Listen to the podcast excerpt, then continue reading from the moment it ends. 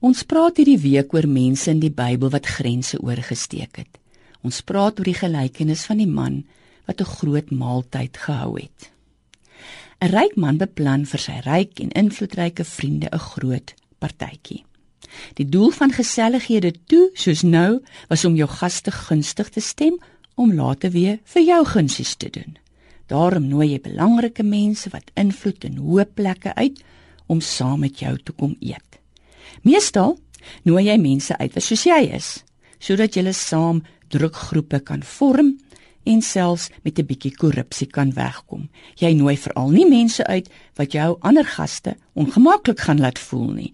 Jy sal byvoorbeeld nie iemand van 'n ander ras uitnooi as die mense wat jy wil beïnvloed eerder net binne hulle eie ras wil werk en bly nie. Maar nou is daar skielik 'n klip in die pad. Die mense wat genooi word, is nie lus om te kom nie.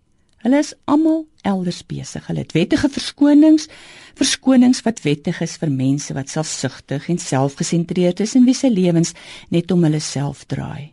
Die een het 'n stuk grond gekoop, 'n ander 5 paar osse, nie hulle wil liewer hulle eie goed gaan bewonder. Kortom, die gaste het nie lus of tyd vir nog 'n partytjie nie. Maar nou gooi die man wat die ete hou sy hekke oop. Hy steek 'n grens oor.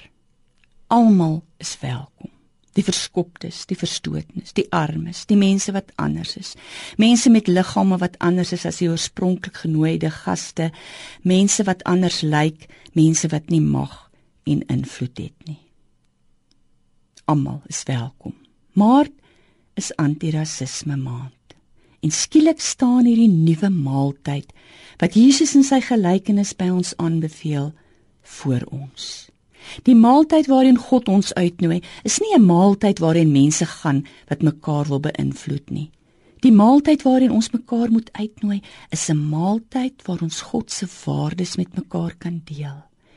En Jesus het ons hierdie waardes kom leer: gelykheid, onvoorwaardelike liefde, agting vir mekaar. Dit is waarvoor hy aan die kruis gesterf het. Dis waarvoor hy opgestaan het. En beslis kan ons hierdie maand daarin dink dat dit 'n maaltyd oor rassegrense sal wees. Hierdie maaltyd waar ons sal aansit op mekaar se menswaardigheid en God se grootheid te vier. Ons skuld onsself hierdie maaltyd en dat dit 'n plek sal wees waar ons die grense tussen rasse sal oorsteek. Kom ons bid.